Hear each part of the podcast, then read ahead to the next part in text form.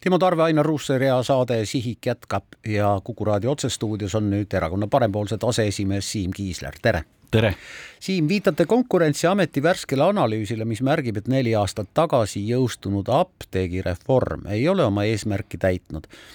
milline on siis parempoolsete väitel tänase ravimituru suurim probleem? eks me oleme selles suhtes Konkurentsiametiga nõus, et, et korralik konkurents puudub, selline aus võistlus selles mõttes ei toimi, kahe hulgimüüja käes on üle kaheksakümne protsendi turust, nad tunnevad ennast väga mugavalt ja nüüd erimeelsused meil selles osas on Konkurentsiametiga, et kuidas seda lahendama peaks, et noh, kes, kes selle praeguse olukorra all kannatab, on loomulikult tarbija või meie kõik, kes me ravimeid ostame küsimus nende kättesaadavuses ja küsimus nende hinnas, eks ole, kaks asja, mis meid eelkõige huvitavad äh, tarbijatena. küsimus, kuidas seda lahendada, et parandada kättesaadavust, parandada hinnataset. ma pean vastu vaidlema, Siim. linnades on apteegid iga suurema tänavanurgal, mind absoluutselt ei huvita, mis firma nimi selle apteegi sildi taga on. apteegid on ravimeid täis aga teie väidate, nagu te ütlesite, et turul on nõudjaid palju, aga vähe pakkujaid. milles siis õigupoolest asi on?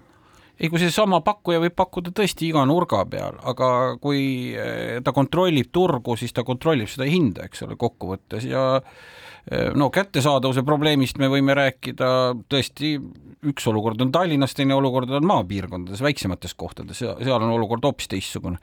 kolmas teema on, et miks meil on eelkõige käsimüügiravimid üldse nii rangelt piiratud, et Rootsis mindi üle sellele, et käsimüügiravimid on vabamüügis me teame teisi riike, kus saab näiteks bensiinijaamast, kui sul pea valutab, tahad paratsetamooli osta õhtul kell kaksteist, siis sa lähed bensiinijaama ja ostad selle paratsetamooli. meil tuleb selle peale tohutult vastuargumente, miks seda teha ei saa, aga Rootsi tegi ja tulemus on see, see uuring on läbi viidud, Rootsis on käsimüügiravimid tunduvalt odavamad kui Eestis. Soomes on turg samamoodi lukus nagu Eestis, seal on hinnatase umbes sama, mis Eestis. et see, see mõju on otsene ja, ja mis on nüüd parempoolsete, no meie üldine maailmavaateline loogika on see, et, et kõik see täiendav äh, piiramine, see usk sellisesse riigi kõikvõimsusesse või sellest, et riik suudab kõige paremini kontrollida, see kokkuvõttes viib konkurentsi vähenemisele. et kui me mõtleme, mida meile vaja on, meil oleks vaja ju seda, et tuleks uusi tegijaid siia turule aga kui Konkurentsiamet ütleb, et teeme veel rohkem piiranguid, veel rohkem kitsendame seda võimalust siin apteeke pidada, veel rohkem kitsendame selles, selles äris tegev olla, siis ei tule ju keegi uus siia. vastupidi, no need muidugi nendel kogu sellel apteegituru piirangutel on hästi pikk ajalugu Eestis, aastakümneid ja ja need eelmised piirangud olid veel eriti absurdsed, kus siis tegelikult ei lubatud teatud kohtadesse apteeke ja siis, siis kui kuskil avanes võimalus apteeki luua, siis tehti riiklikke loteriisid, kus siis inimesed osalesid, ettevõtjad osalesid mingi tuhandete varifirmadega. siis Riigikohus aastal kaks tuhat neliteist tunnistas need eh, põhiseadusega vastuolevaks, et nad lihtsalt piirasid ettevõtlust. siis hakati rääkima, et peab vaja uued piirangud see kõik see, kõik see, kogu see piiramine on ju suunatud sellele, et keegi teine siia meie turule ei tuleks, et saaksid need paar tegijat, kes siin turul on, saaksid seda asja, olukorda kontrollida, ärme kedagi teist sisse lase aastal kaks tuhat kolm sisenes Eesti turule uus tegija, üli, Soomest Üliopiston apteeki. Ehm, pärast neid uusi seadusemuudatusi nad otsustasid Eesti turult minema minna mitte seda mängu enam kaasa mängida, ehk siis konkurentsi jäi veel vähemaks. Neid ostis välja Euroapteek ja, ja noh, tulemus on see, et, et jah, nõus, et ei ole vahet, mis kaubamärk seal peal on, aga, aga selle hinda tahaks nagu normaalselt saada. Siim Kiisler, öelge mõni argument, mina olen võhik ja mõned kuulajad ka ilmselt ei tea, öelge mõni argument, millega siis ikkagi põhjendatakse seda, et käsimüügiravimid peab olema müügipiirangute all. No ma ütlen ka, et ka mina ei ole, mina ei ole proviisor, et ma kindlasti ja, muidugi, tahan aga... aga selline üldine majandusloogika, et, et äh, seda ja, ja ütlen ka välja, et rääkisin ka kümme aastat tagasi täpselt sama juttu ja rääkisin Riigikogus sama juttu, et see täiendav piiramine viib lihtsalt, lihtsalt halvenemise suunas, mitte paranemise suunas, aga vastuargumendid, noh muidugi klassikaline on see, et kui me räägime käsimüügiravimitest, et paratsetamooli ei saa bensiinijaamas müüa, sellepärast et on vaja äh, et äh, ostjale antaks nõu, kuidas seda paratsetamooli tarbida, eks ole. no iga müüja võib öelda, et võtke klaas vett ja üks tablett iga nelja tunni tagant, kui valu mööda ei lähe. mina tunnistan, mina olen ka, käin aeg-ajalt, ostan paratsetamooli näiteks apteegist ja ma ei taha siin kedagi nagu hukka mõista, aga minu puhul näeb see välja nii, et ma lähen sinna riiulisse, võtan selle asja, lähen sellega sinna apteekri juurde, kes nagu selles olukorras käitub kassapidajana, ütleb, ma ütlen talle tere, tema ütleb mulle ka tere, palun, aitäh ja nägemist. et äh, kindlasti, kui inimene seal pööraseks läheb ja ostab mingeid meeletuid koguseid ja väga erinevaid ravimeid korraga, siis äh, neid õigustatud küsimusi, ma arvan, suudab ka keegi teine ähm, küsida kui kõrgharitud proviisor ainult parempoolsed seisavad e-aptid, apteekide tegevusvõimaluste äh, laiendamise eest, oleme õigesti aru saanud?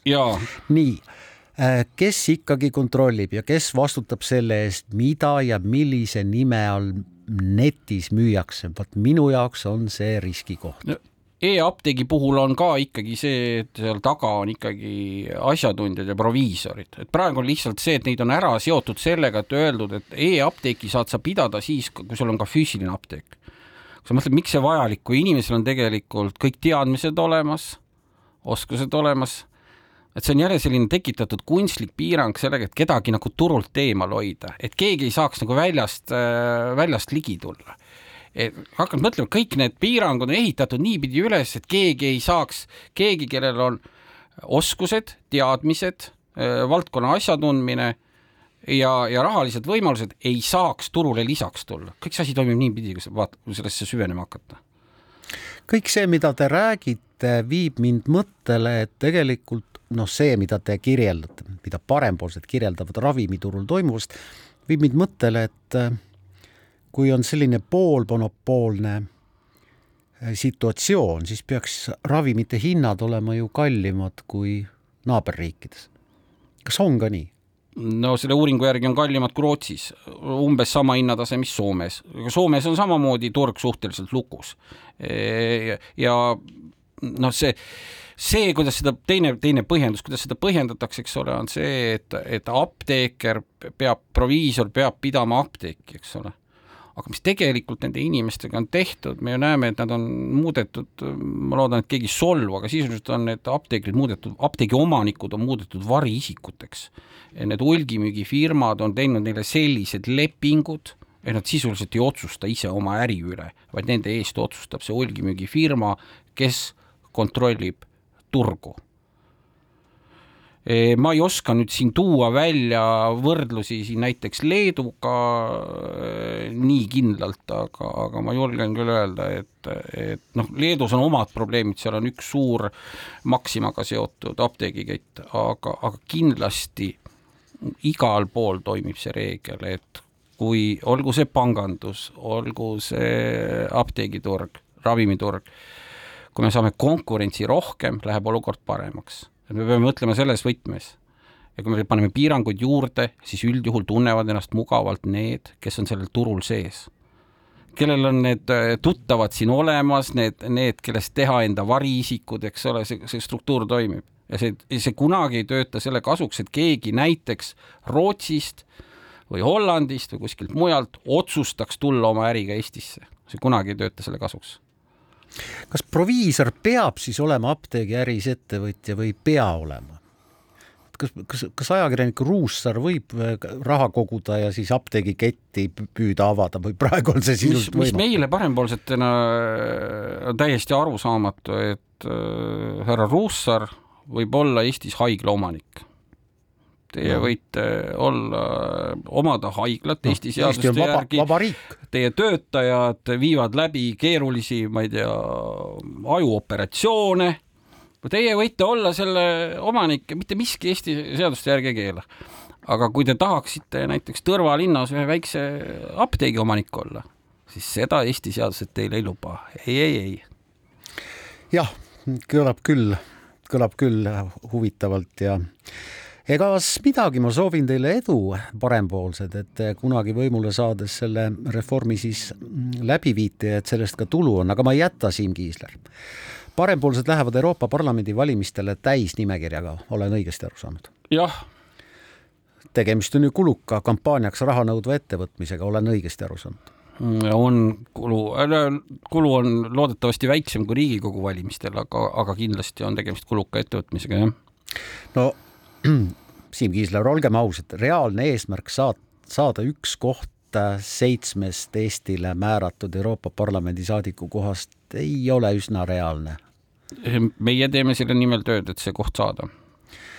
ja me näeme võimalusi, need on olemas, eriti kui silmas pidada, et Europarlamendi valimised äh, on, inimesed käituvad, valija käitumine nendel valimistel pisut teistmoodi. Äh, nad on oma olemuselt rohkem isikuvalimised kui mingid erakonna reitingu valimised ja arvestades ka seda, millised äh, muutused praegu Eesti poliitikamaastikul toimuvad, valijate meeleolu, et see pahameel olemasoleva valitsuse vastu on ikkagi nii suur, et paljud inimesed kindlasti tahavad järgmistel valimistel näidata valitsusliidule, et nad peavad midagi muutma ja väljendavad seda ka oma käitumisega hääletusel. Te olete olnud tipp-poliitik, te olete olnud minister, valitsuse liige, te jälgite poliitikat, kuulge, küsin teilt päris ausalt, mis on juhtunud Eesti kahesajaga, viimase Emori küsitluse järgi on parempoolsete reiting neli protsenti ja Eesti kahesaja reiting on ka neli protsenti. Eesti kahesajaga minu arust ei ole midagi väga muutunud. Eesti kahesaja probleem on algusest peale see, et nad ei ole defineerinud ära oma ühtset maailmavaadet ja nende liikmed ei ole kogunenud sinna kokku selleks, et esindada mingeid kindlaid väärtuseid Eesti poliitikas. ja see maksab varem või hiljem kätte. On alati ükskord saab niimoodi suhteliselt lihtsamini Riigikokku, kui sa ütled, et ma olen uus, ma olen teistsugune kui teised ja ma teen teistmoodi ja ma teen paremini kui teised. ja siis erinevad valijad mõtlevad oma eri, oma erinevaid mõtteid sinna sisse, panevad oma erinevaid lootusi sinna sisse. aga kui sa tegelikult ütled, näiteks Eesti kakssada ütles enne valimisi, et parem-vasak skaala Eesti poliitikas on aegunud, et meie ei defineeri ennast sellel skaalal. Aga reaalses elus, kus eriti kui erakond pääseb valitsemisotsuste juurde, siis peab tegema valikuid, kas sa hoiad paremale või sa hoiad vasakule, midagi ei ole teha, siis sa pead neid hakkama neid valikuid tegema. Neil on neid väga raske teha, sest neil on sees äh, inimesed nagu Zuzu Izmailova ja Tarmo Tamm ja nad on lihtsalt oma olemuselt nii erinevad, et neil ongi raske milleski kokku leppida ja siis tulebki niisugune segapuder välja ja väga segased sõnumid. Ja, ja see lihtsalt kajastub reitingus, et ma arvan, erakond on ikka samasugune, lihtsalt äh, valijad on aru saanud, mis nad on.